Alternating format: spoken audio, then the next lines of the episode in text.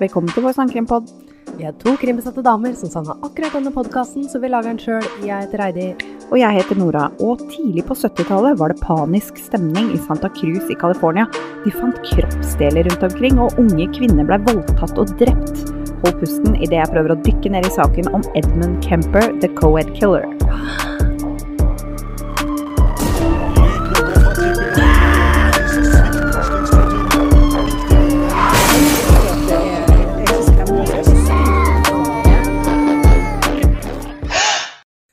Hei, Heidi. Hei, Nora. Wow, den der har jeg ikke hørt før. Har du ikke hørt Nei. den? Kødder du? Nei! Det er liksom hvis folk spør eh, hvilken eh, seriemorder eller hvilken, hvilken sak jeg liker best, så svarer jeg ofte Ed Kemper, faktisk. Oh. Det kan bare hende at det ikke ringer noen bjelle. Og så når ja. du begynner å prate du- om det, så Har du sett Mindhunter? eh, Det har jeg garantert. Altså, du, du må jo det. Det er, eh, det er den serien på Netflix om eh, hvordan eh, de starta med Ja. den profileringsavdelingen i FBI. Ja, ja. Ja, hvor de intervjuer da innsatte, og spesielt en som er veldig veldig snakkesalig. En veldig høy mann med briller og bart. Ja. Ed Kemper. Ah. Eh, ja. Da er jeg med. ja. Da er jeg med. Så den er ganske interessant, den. Men eh, før vi går ned på det, Ja. eh, står det til, da? Eh, jo, jeg var på kino i går. Jeg skal ikke Ja, spoile. stemmer. Ja, jeg så på Doctor Strange, Uh, The Multiverse, eller hva den heter for noe. Ja, noe sånt noe. Ja. Uh, jeg skal ikke spoile noe. Uh, den var bra. Ja. Men ikke av forventninger. Å nei, ok. Nå, jeg, jeg eh, Altså, jeg er så lei superheltfilmer. det er kult. Ja, ja, men altså, virkelig. Det det? men det, ja, og det, og det Jeg veit at det er laga mye kvalitet, liksom, i uh, nyere tid, da. Ja. Men jeg gikk lei når på en måte det var alle disse Supermann, Batman, uh, Spiderman, de tidligere, liksom. Så jeg har vært lei i en eh, Å, ja. fem til ti år. Så jeg har liksom dette ut, altså. Så med andre ord, du har ikke fått med deg noen ting av Marvel-universet, egentlig? Du har- Ikke noe særlig. Nei. Oi. Nei. Ja, da. Men si, si en film som alle har sett, som jeg burde ha sett, da. Uh, Endgame Infinity War. Ikke sant? Ja. Ikke sett. Iron Man. Ja, den har jeg sett. Den har jeg sett. Ja, ja, men det er bra. Det er jo i Marvel. Ja, ja, ja. ja, ja, Ja.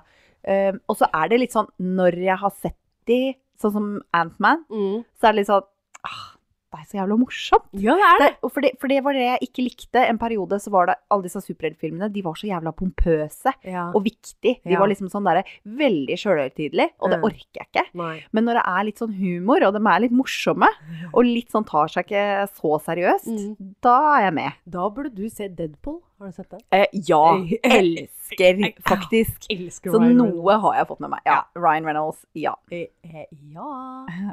Litt mer av det. Ja takk. Ja. Nei, nå sitter vi her som vanlig og drikker eh, cola. Du har valgt en eh, med lime. Yep. Jeg har valgt en Intergalactic Limited Edition flavor. Har, du hadde ikke prøvd den? Nei. Det, det, Hvordan smaker den? Jeg er veldig nysgjerrig. den smaker rosa, men jeg ser det at den kanskje er rosa òg. Han smaker rosa. Du, Han smaker rosa. Skal du ta en slurk? Ja. Fortell meg at ikke den smaker rosa. Du kan ikke beskrive smaken som noe annet. Oi! Den smaker rosa? Den smaker rosa. Ja. Nei, gud! Det er sånn jeg tror fargen rosa smaker. Ja. Ja. Nei, gud. Det er, godt, det er godt vi er enige. Det er sånn godterileppepomade, eller? Jeg, jeg vet ikke. Jeg vet om det er rosa. Ja, det er rosa. Det er rosa. Eh, ja, tusen takk til eh, gode kompis og kollega Mhm. Øystein, som er nede med dattera mi. Vi fikk jo igjen ikke til en dag hvor svensken hadde fri, Nope. så da ble det sånn. Ja. Ja. Fort gjort. Har du noe mer på hjertet? Uh, jeg, jo, jeg kom egentlig fram til noe. Det jeg skulle fortelle. Som jeg regner med du og alle lytterne våre er helt enig i, er at den eneste gangen det er greit å stå opp klokka tre om morgenen, det er hvis du skal på ferie. 100% Ikke sant? Ja. Det tenker jeg hver gang jeg må stå opp klokka tre for å dra på jobb. Ja. Det, jeg har ikke motivasjonen til å gjøre det med glede hvis ikke jeg skal på ferie. Nei. Helt riktig. Ja. Det, er, det er noe merkelig med det. Jeg har stått opp klokka tre to dager på rad nå. Skal det også i morgen, vel å merke. Og jeg får ikke hente Det har jeg sittet og grubla på i hele dag. Bare, vet du hva, det er faen meg ikke verdt det. Det er ikke verdt Nei, det. nei, nei. Nei. Fordi du ikke skal på ferie. Nei, fordi jeg ikke skal på ferie. Altså, man står jo opp og altså, Det er null problem å stå opp klokka tre hvis Ja, du skal på ferie. Uansett hvor trøtt du er. Ja.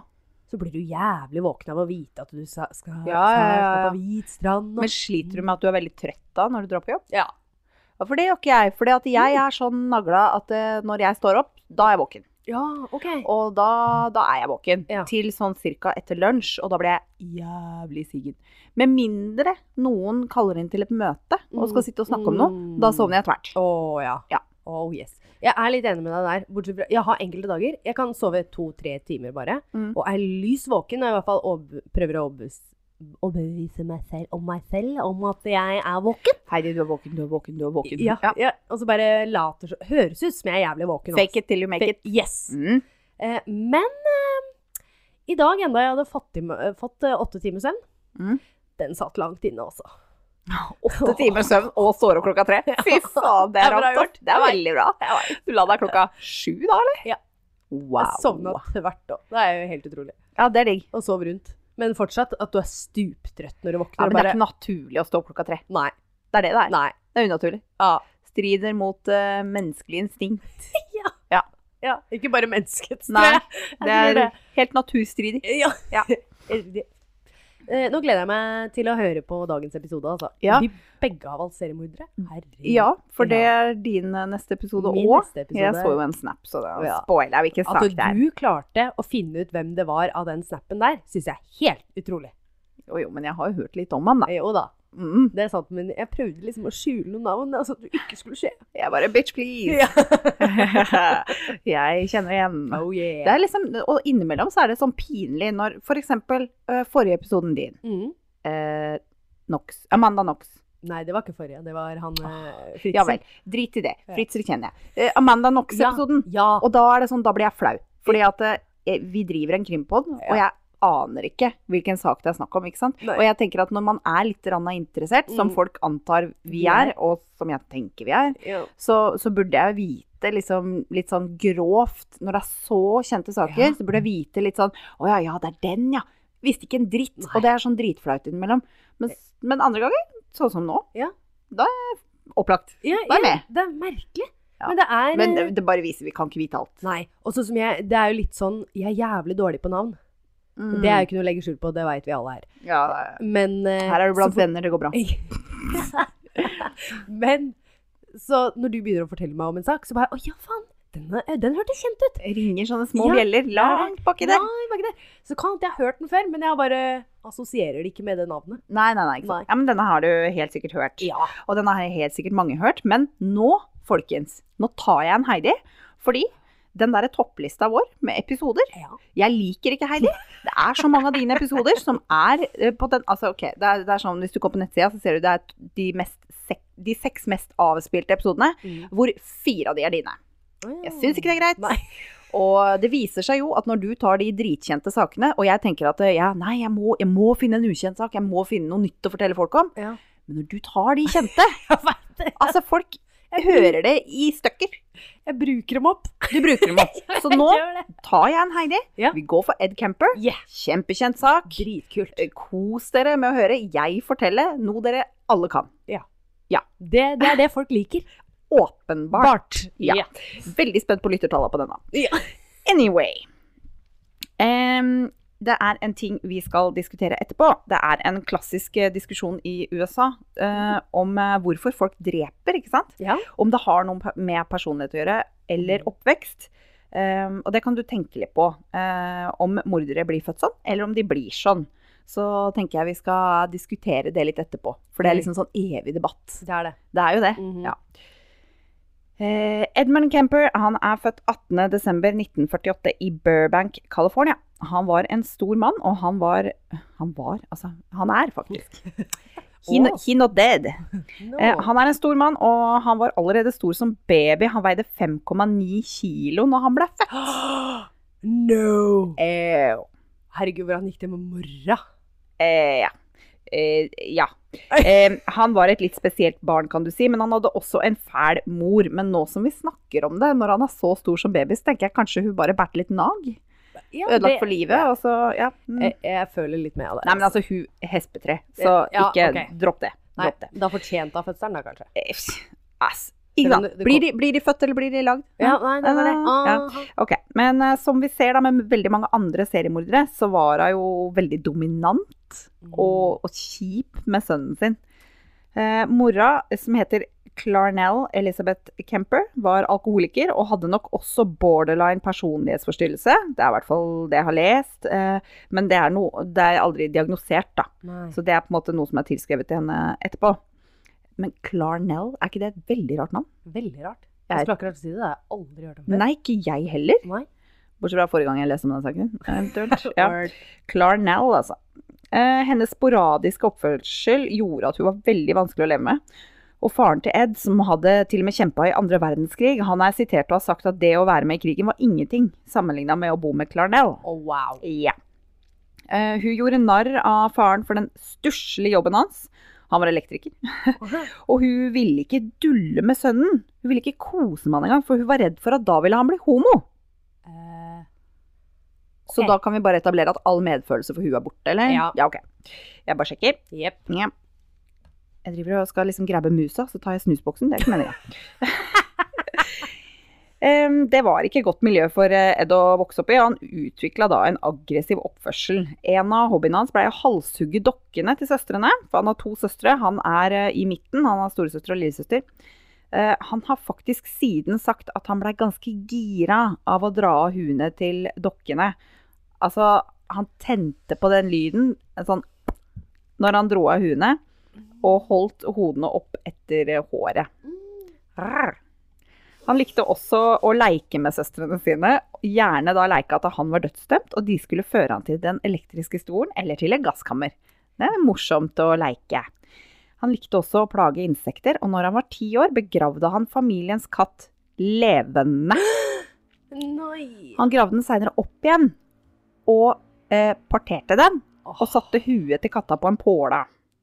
Skulle vi komme med en advarsel, var det så? Er det noe vits, liksom? Vi, Nei, jeg tror folk altså, Nei.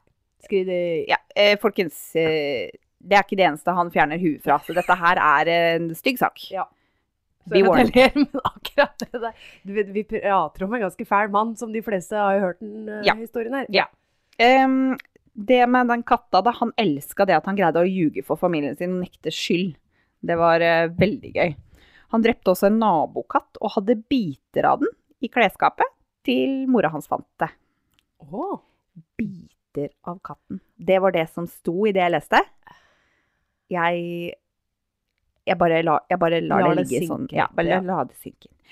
Foreldrene til eh, Ed de skilte seg når han var ni år, og han hadde, da, han hadde et veldig nært forhold med faren. Altså, fordi hvordan kan du ha et nært forhold til hun mora? Men eh, faren han flytta vekk, og han var da stuck med mora og søstrene sine. Mora, som jo ikke var veldig kjærlig, hun låste han inn i et rom i kjelleren hver natt. Oi. Ikke et trivelig soverom, men et sted hvor det pleide å være rotter, og hvor det hang en enkelt lyspære fra taket. Fordi hun var redd for hva hun kunne gjøre med søstrene sine hvis ikke hun låste døra. Eh, Og han har, altså bare som for ordens skyld, han har aldri gjort noe mot søstrene sine. Jeg bare, og da igjen så er det litt sånn er det, er det bidragende faktor til at han blir som han blir? Eller er det at hun gjør det, en slags sånn derre Folk som bor med mordere, som får en sånn derre feeling. Bare en feeling. At det er, det er et eller annet som skurrer, jeg må låse den inne. Ikke sant? Ja. Høna eller egget, ikke sant? Ja, jeg skjønner hva du mener. Ja. Seriemorderen eller mora. Ja. Hun har nok sikkert sett Men hun er jo like gæren, hun. Så det er litt spesielt da, hvis du er så gæren, og så klarer du liksom å se forbi din egen galskap og bare Nei, men sønnen min er verre. Eh, Uh, ja. nei, eh, vanskelig å vite. Hadde vært en normal person, så kunne jeg skjønt det. Mm. Men nei, nei, nei, nei, nei den må jeg tygge på. Ja, du må det. Ja. Eh, Storesøstera til Ed erta han en gang om læreren hans og spurte hvorfor ikke han hadde prøvd å kysse henne. Og da eh, ti år gamle Edmund eh, svarte ganske tørt at hvis han skulle kysse henne, så måtte han drepe henne først. Så det er jo ganske spesiell logikk da, for et barn. Eh, ja. Ed overhørte en telefonsamtale etter at faren hadde flytta mellom foreldrene sine, hvor moren hadde gjort narr av han for høyden sin. For han var som 15-åring allerede 1,93. Wow. Yeah. Eh, og hun hadde sagt at han var en skikkelig raring, en ordentlig weirdo. Hun sa også direkte til Ed at han ligna for mye på faren sin, og at ingen dame ville noen gang elske han. Huh. Ja. Det er mobbe sønnen din. Ed han stakk, han. Han eh, stakk av til faren i Van Nuys, også i California.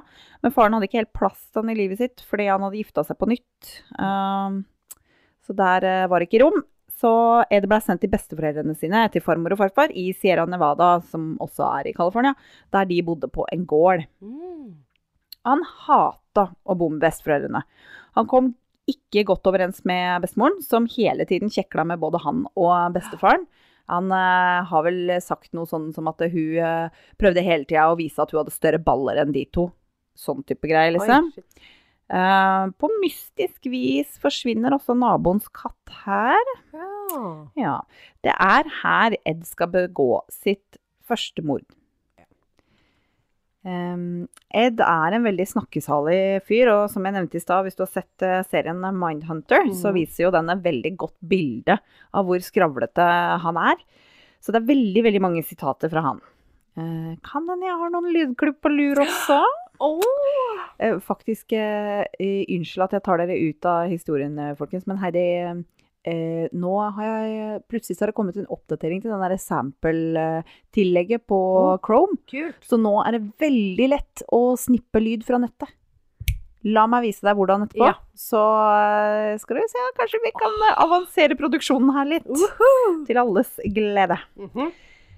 Eh, ja, så det er veldig mange sitater fra han, og jeg har noen lydklipp da, som jeg putter inn her etter hvert. Um, han har sagt om bestemoren at ingenting han gjorde var noen gang godt nok, og det var verre enn å være i fengsel.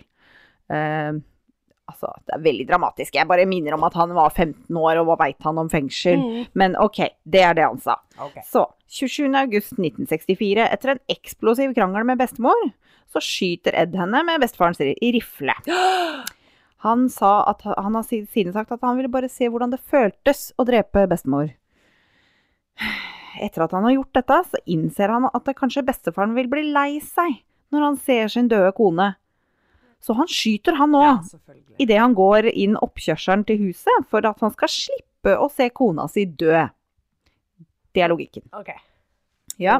Ok. Og da skjønner han jo at eh, jeg er bare 15 år, og dette får jeg ikke snodd meg unna. Så han ringer mora si faktisk og forteller hva han har gjort. Faktisk. Oi. Ja. Og utfallet av det blir at han blir da lagt inn på, med, altså dømt og lagt inn på Ascadero sykehus for de kriminelt sinnssyke. Og legene der konkluderer med at han er paranoid schizofren, men at han har imponerende høy IQ, hele 145 i IQ. Oi. Og sånn for å liksom eh, sette dette litt i perspektiv, for å slippe inn i Mensa må man ha over 130 i IQ, og da er det kun to Da da er du liksom topp 2 i verden, hvis du har over 130. Oi. Eh, har du noen gang tatt en IQ-test? Nei. Nei? Tror ikke jeg skal gjøre det. Nei. altså. Jeg, jeg har gjort det. Har du? Ja. Og hva hadde du? ja over, over Mensa, faktisk. Oi! Litt grann skryt, bare. ja. Men, men eh, Edda har høyere IQ enn meg. ja. Ja, ok. Det er veldig høyt. Oi. Shit. Yes. De er ikke så vanskelige, de testene. Nei, ok. Nei. Um, på sykehuset så var han en perfekt ja, pasient, eller fange, eller hva skal vi kalle det. Ja. Han lærte seg han, han, han satte seg i arbeid, rett og slett. Han uh, viste initiativ, og han lærte seg å gi disse IQ- og personlighetstestene, og hjalp administrasjonen sånn. Og liksom ga, ga disse testene til de andre da, som kom til sykehuset. Og etter dette siden da, så har han sagt at han eh, lærte veldig mye da av eh, sexforbrytere. Om hvordan unngå å bli oppdaga, og hvordan ikke legge igjen spor, og hvordan lure psykologer. Så det var en lur oppgave for han, i hans øyne. Ja. Ja, Ed eh, hadde blitt frisk, trodde de. Og han oppførte seg så bra at legene anbefalte at rullebladet hans faktisk skulle bli sperra for innsyn når han slapp ut. For det har vi jo vært borti innimellom, at man kanskje har gjort noe som uh, ungdom, som liksom juvenile. ja. Um, men så blir rullebladet låst, på en måte. For det, det skal ikke Men hvem får sett det da? i, i, Ingen, egentlig. Jeg tror du må søke da retten om Å, ja. å få åpna det. Å. Men, men på en måte hvis politiet da søker han opp, så vil de se at uh, han har De vil kanskje se at han har en, en prikk, men at uh, de kan ikke se hva, Nei, skjønner. for den er da låst for innsyn. Ja. Så han fikk faktisk slippe ut da, fem år seinere, på sin 21-årsdag i 1969. De anbefalte at han ikke skulle flytte inn med moren sin, så han flytta inn med moren sin. Ja. Mora har i mellomtida fått jobb på universitetet i Santa Cruz, så hun har flytta dit. I samsvar med prøveløslatelsen, for det var det det var da, Ja. så gikk han på Community College, og han hadde lyst til å bli politi. Men han fikk avslag pga. størrelsen. Han har nå kallenavnet Big Ed, og han er to meter og seks centimeter. Å, herregud. Ja, og han veier 126 kilo. Han er en veldig stor mann. Og det er komisk. Eh, Se på bildene som jeg legger ut på Instagram og Facebook, for det er bilder av han sammen med liksom politiet som frakter han inn i rettslokalet og sånn. Det er helt komisk. Han er to huer høyere enn alle disse små 70-tallsmennene. Ikke sant? Ja. Um, han har eh, da Han har en forkjærlighet for politiarbeid, uh, faktisk. Ja. Um, det er kanskje mange kriminelle som har det. Jeg tror det. Ja, litt sånn fascinert. Eh, så eh, han eh, var det han sjøl beskriver, beskriver som en vennlig forstyrrelse på politiets lokale pub, The Jury Room. Der vanka de og tok seg en øl etter jobb, og der vanka Ed. Ja. Ed hadde diverse småjobber før han fikk jobb i California Department of Transportation, og det virker litt sånn tilsvarende Vegvesenet. Han og mora var fortsatt som olje og vann. De krangla heftig og høylytt, så alle naboene hørte det. Hun hadde en eh, leilighet, så det var mange hus og jeg tror, altså jeg tror det var en leilighet i et større hus, sånn at eh, de hadde naboer vegg i vegg og rundt Mm. overalt, liksom. Um, han flytta etter hvert inn med en eh, kompis. Uh, jeg bare tenkte når jeg leste det, hadde han venner? Men, ja. men ok, ja, han flytta inn med en venn. Eh, men han hadde dårlig kontroll på økonomien, så han kom liksom stadig tilbake til mora. Eh, dessuten, når han ikke bodde hjemme, så ringte hun hele tida og kom på besøk eh, uten å si fra på forhånd. Så hun var egentlig litt avhengig av han òg, eller? Ja, Ja. det er veldig sånn merkelig Kanskje sånn klassisk sånn giftig Ja. avhengighetsforhold, jeg vet ikke. ja. Litt sånn det er litt sykt sånn dra det her nå, men eh, Johnny Depp og Amber Heard. Oi, oi, oi, oi, oi. Giftig avhengighetsforhold? Uh, ja. Ja, og for ordens skyld, hvilken side er du på? Johnny. Johnny for life. Oh yes. Yes, Amber Turd. Inntil det motsatte er bevisst. Er du på Amber? Ja, jeg sa, nei, jeg sa Nei. Amber Turd. Ja, Amber Turd. Ja. Ja, det er jeg med. Ja. Ja. Nei, nei, nei, nei. Foreløpig står jeg støtt som et fjell på Johnny sin side. Er godt. Men det var ikke det vi skulle snakke om. Nei. Øhm, så eh, en dag så blei han påkjørt når han kjørte motorsykkel, og han skada armen, og da fikk han en skadeerstatning, og den brukte han på å kjøpe bil. Og da, og gjennom jobben sin, så kjørte han mye rundt, og han så veldig mange unge kvinner som haika langs veien. Det var jo veldig vanlig på denne tida å haike. Um, så etter hvert så pakka han bilen med plastsekker, kniver, tepper, håndjern, pistol, sånn i tilfelle. Han begynte å ta med seg haikere når han så de, og kjørte de dit de skulle. Han har sikkert uh, gitt, uh, gitt en uh, tur til um, 150 haikere, etter hans egen beregning. Han, sa når han, tenkte, han sa at når han så en pen dame Og det her er interessant, for det her sitatet Mm. er i um, Er det i American Psycho? Men Ja. de krediterer sitatet til en annen, OK. En annen seriemorder. Ja. Men det er Kemper som har sagt det.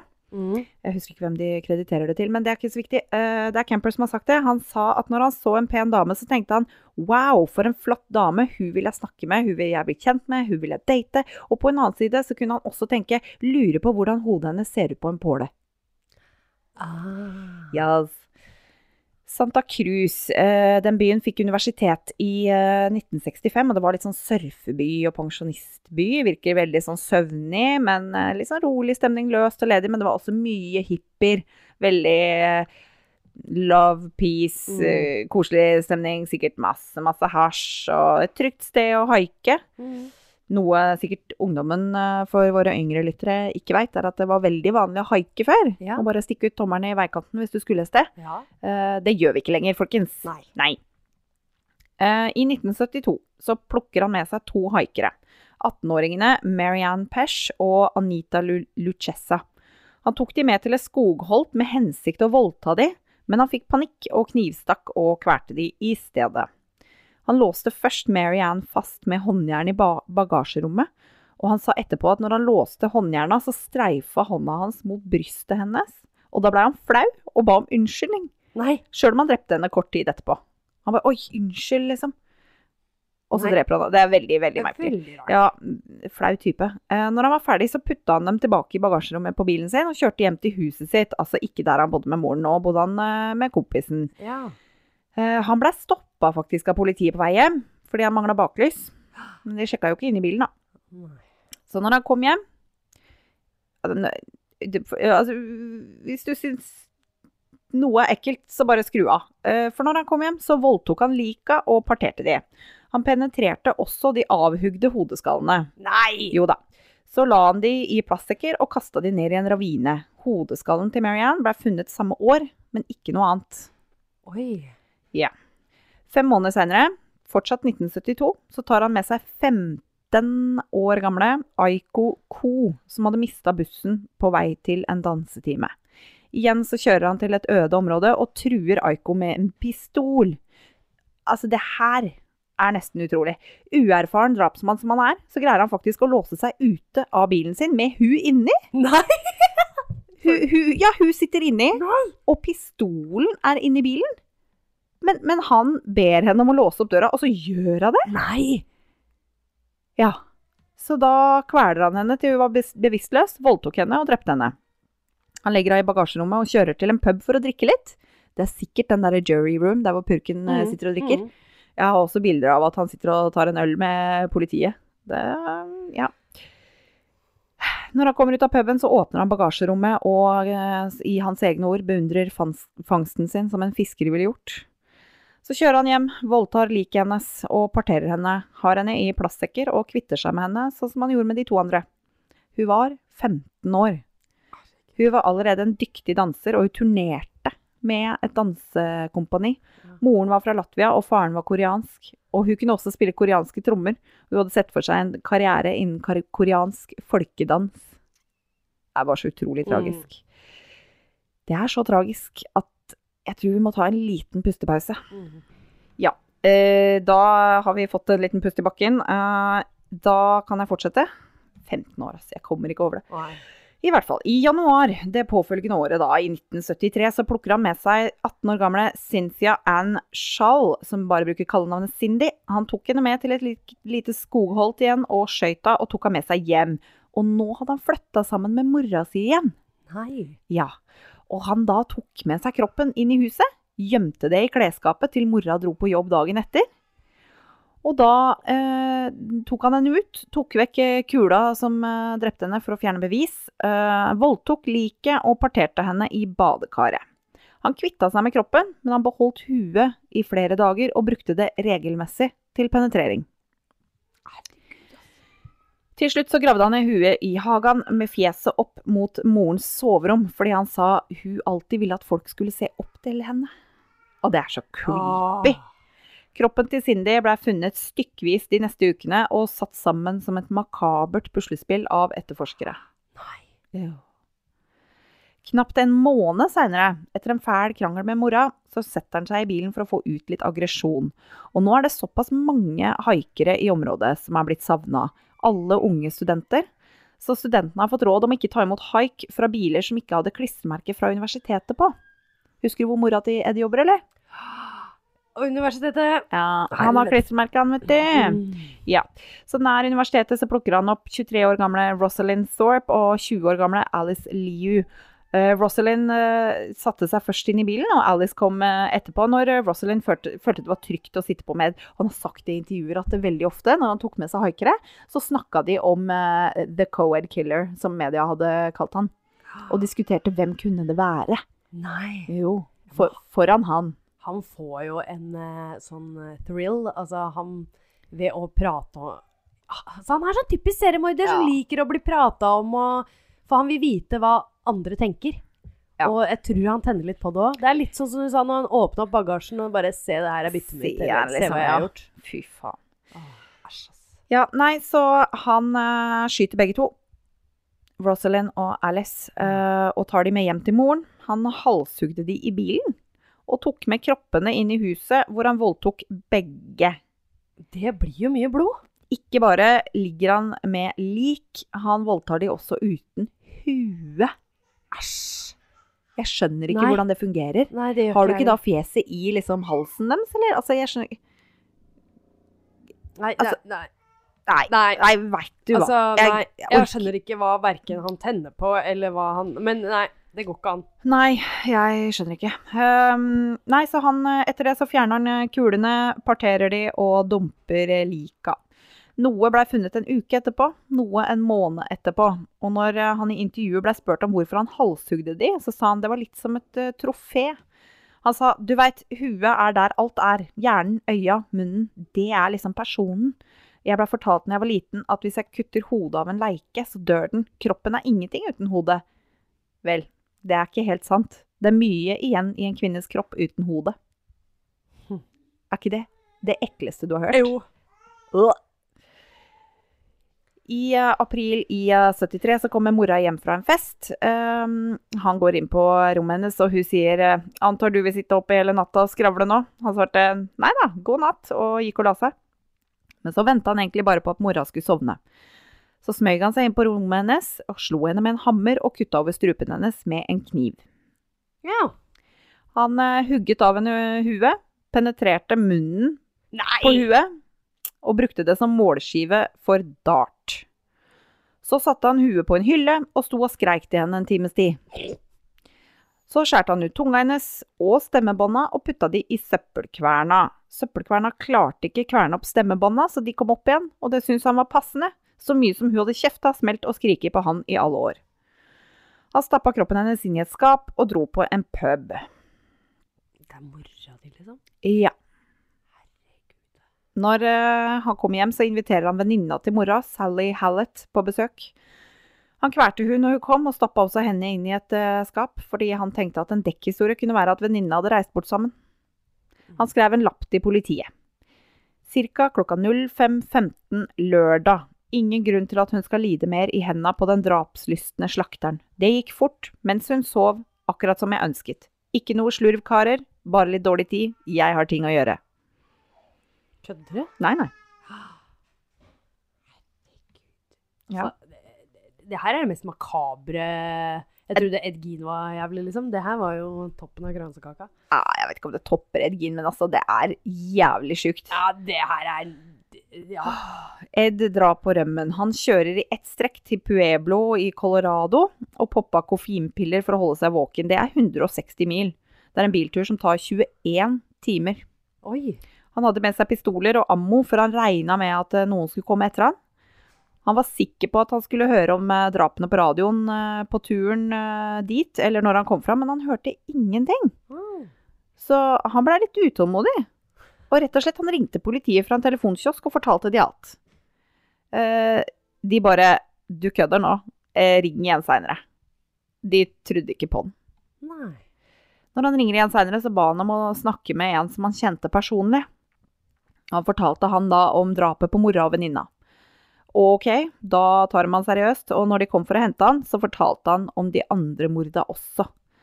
Når han ble spurt om hvorfor han uh, meldte seg, så sa han bare at han så ikke vitsen lenger. Han følte det bare var bortkasta å bruke mer tid på. Han tenkte bare fuck it.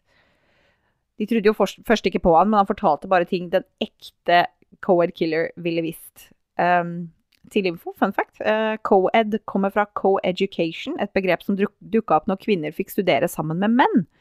Så det er en betegnelse vanlig brukt på en eh, kvinnelig student. Jeg syns også det er litt morsomt at, det, at det navnet hans var i kallenavnet han fikk fra e media hele tida. Mm. Co-ed. Og så var det Ed Mm. som gjorde det. Jeg syns det var litt vittig. Ja, det var det. Forsvaret hans mener at han var sinnssyk i gjerningsøyeblikkene. Mhm. Eh, altså, det jeg, jeg trodde det. At det, å si, hevde at man er sinnssyk i gjerningsøyeblikket, kan du nesten bare hevde hvis det skjer en gang sporadisk der og da. Mm. Det her er liksom over lengre tid, det er flere tilfeller, det er eh, gjennomtenkt, planlagt. Jeg kan ikke skjønne at de kunne bruke det argumentet, men det gjorde de. Mm. Undersøkelser av tre ulike rettspsykiatere vi, viste at han var ved sine fulle fem. Ikke noe diagnose, sånn som han fikk på sykehuset da han var 15. Å, Nei. Nei da. Ed fortalte også at han hadde spist noen av ofrene. Oh. Skjært av litt biffstrimler av leggene deres og laga en gryte på det. Men det trakk han seinere tilbake.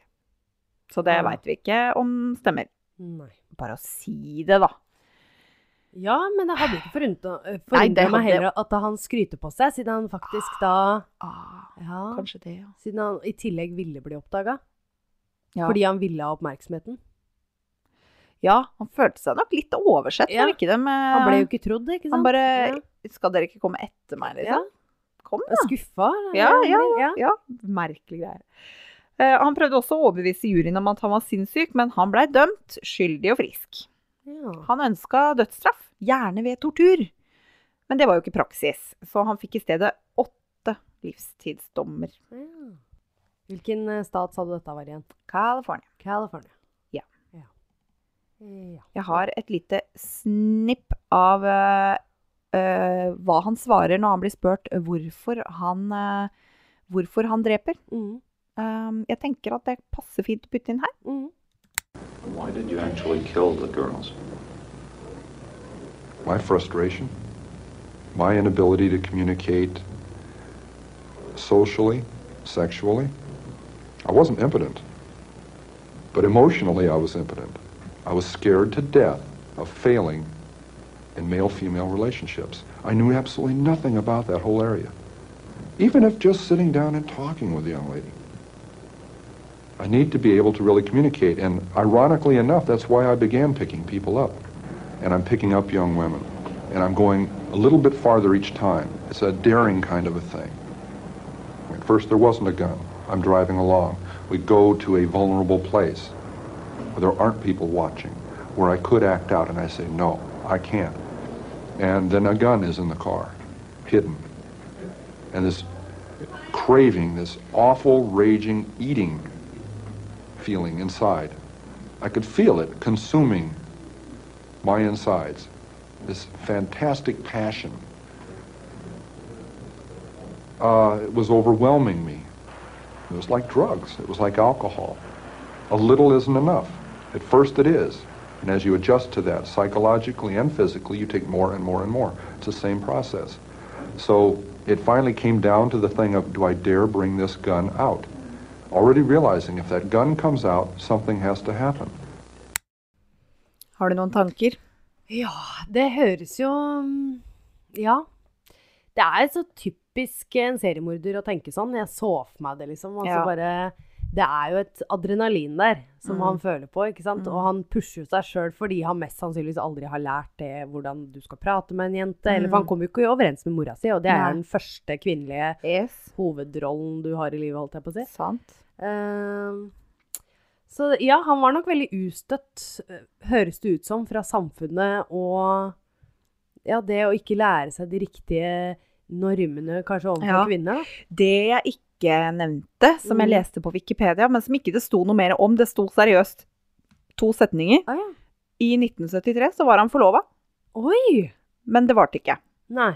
Det er det som sto om den saken. Eh, men jeg syns det var interessant. Jeg bare jøss! Ja, for det var Og han, Var det- han drepte første gang i 72. Og i Aha. 73 var han kjapt forlova. Ja, da, da går det jo litt vekk, den der, da. For da har han jo tydeligvis klart å Han har jo greid å snakke med noen, og Ja. fri. Ja, fri til og med. Og da er han jo ikke sosial awkward, holdt jeg på å si. Nei, jeg veit ikke. Det er veldig, veldig veldig vanskelig. Ja. Han eh, sitter eh, låst inne på California Medical Facility sammen med fanger som Charles Manson og Herbert Mullin. Eh, Herbert hadde jeg aldri hørt om. Han Nei. var også en seriemorder i California på 70-tallet, men Ed han likte ikke Herbert. Han syntes at han var skjødesløs. Han bare gikk rundt og drepte hvem som helst for sin egen forlystelse. Så Ed ser ned på han, da, for det var jo tross alt ikke det han drev med. Nei, nei, Nei. Ikke det hele tatt. Ed manipulerte og kontrollerte Herbert, en Mm. liten fyr på 1,75. Altså, ikke skjems gutta hvis du er 1,75, det, er det er ikke noe liten, men Ed på sine 2,06 cm rava jo over han. Ja, ja. Han fortalte at Herbert likte å synge og lage ståk når noen ville se på TV, så han kasta vann på han. Og når han var snill og oppførte seg, så fikk han peanøtter. Han sa Herbie likte peanøtter, og det blei fort sånn at han ba om tillatelse til å synge. Dette kalles modifisering av oppførsel. Han er altfor smart, vet du. Han er nå 73 år, og han har oppført seg bra. Han har jobba med å koordinere fangers eh, timer og avtaler med psykologer og, og sånt noe. Um, og han har også i fengselet jobba. Han har lest inn over 5000 timer med lydbøker for blinde i et prosjekt som var på 80-tallet. Oh my god. Så her er et klipp av at han leser inn boka 'Flowers in the Attic'. Chapter 1 Goodbye, Daddy.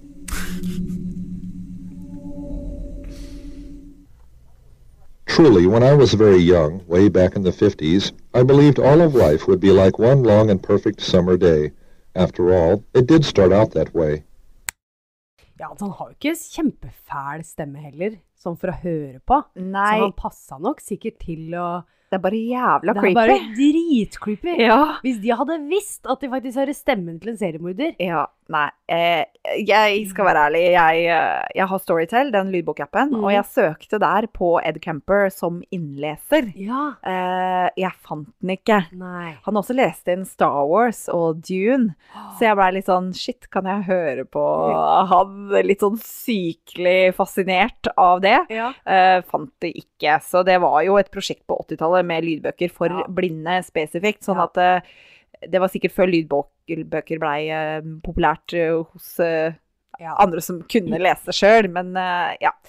ja, og det er gratis arbeidshjelp for Ja. Jaha, herregud. Ja, Skal du det- få noen andre til å ansette noen andre til å gjøre det, så Nei, hadde det kosta masse penger. Nei, og han har jo, som du sier, han har jo faktisk en behagelig stemme. Ja, det er bare jævla creepy Ja, å det høre på. dritcreepy. Ja.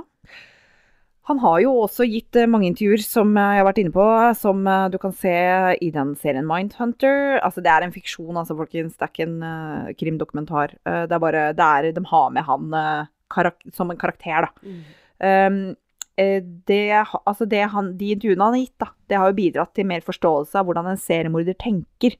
FBI-profileren Jeg vet ikke om det heter profiler. Jeg spurte svensken, han sa det het profilerere. Eller et eller annet. Ja. Profi, ja, et eller annet. På svensk? Ja. Uh, så jeg vet ikke om det har et eget navn på norsk, men jeg er sikker på dere skjønner hva jeg mener. Uh, FBI-profileren uh, John Douglas har beskrevet han som lynskarp, en av de smarteste fangene han har intervjua. Eh, jeg tror faktisk det klippet vi hørte tidligere, er de to. Mm. Og han har også sagt at Ed har gitt et sjeldent innblikk i hvordan en voldelig kriminell tenker. For han er veldig åpen om det han har gjort, og han forteller gjerne, og har uh, sagt at noen kan faktisk se det intervjuet her, som ikke ennå har begått mord, og han ønsker å hjelpe de. Han, øh, han ønsker at det, han oppfordrer de til å finne noen de kan snakke med og fortelle om fantasiene sine, for det er ikke kriminelt å snakke med noen.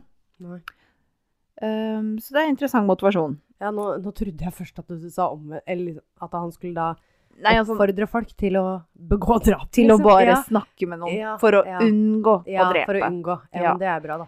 Det blir litt sånn Catch Me If You Can, den filmen der. Ja, ja, ja, ikke sant? Ja, han også. Ja. Det òg var vel basert på en Det virkelig historie. Ja, Ja, ja, ja. Det Eh, blir litt samme her, at den skal begynne Frank- å gjenkjenne Frank Abigail. Abignail. Frank, ja, åh, Frank.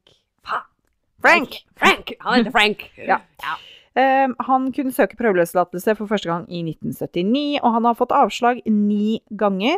Og han har unnlatt å søke fire ganger. Neste gang han kan søke, om han så ønsker, er i 2024. Herregud, det er mye. 2024? Ja. Ja. Han er jo nå 73. ja. Han kom jo mest sannsynlig ikke ut. Ja. Han har jo fått så mange avslag nå at eh, Ja. det er ikke Han sikkert han gidder å søke engang. Nei, han bare Han trives så godt sikkert der i nå. Veit jo ikke. Ja. Så Heidi, Ja. blir mordere født, eller blir de skapt? Jeg tenker litt både òg. For de kan ha, eller oppleve, i barndommen noe for eksempel Eller bli født med noen hjerneskader, eller noe sånt noe. Ja.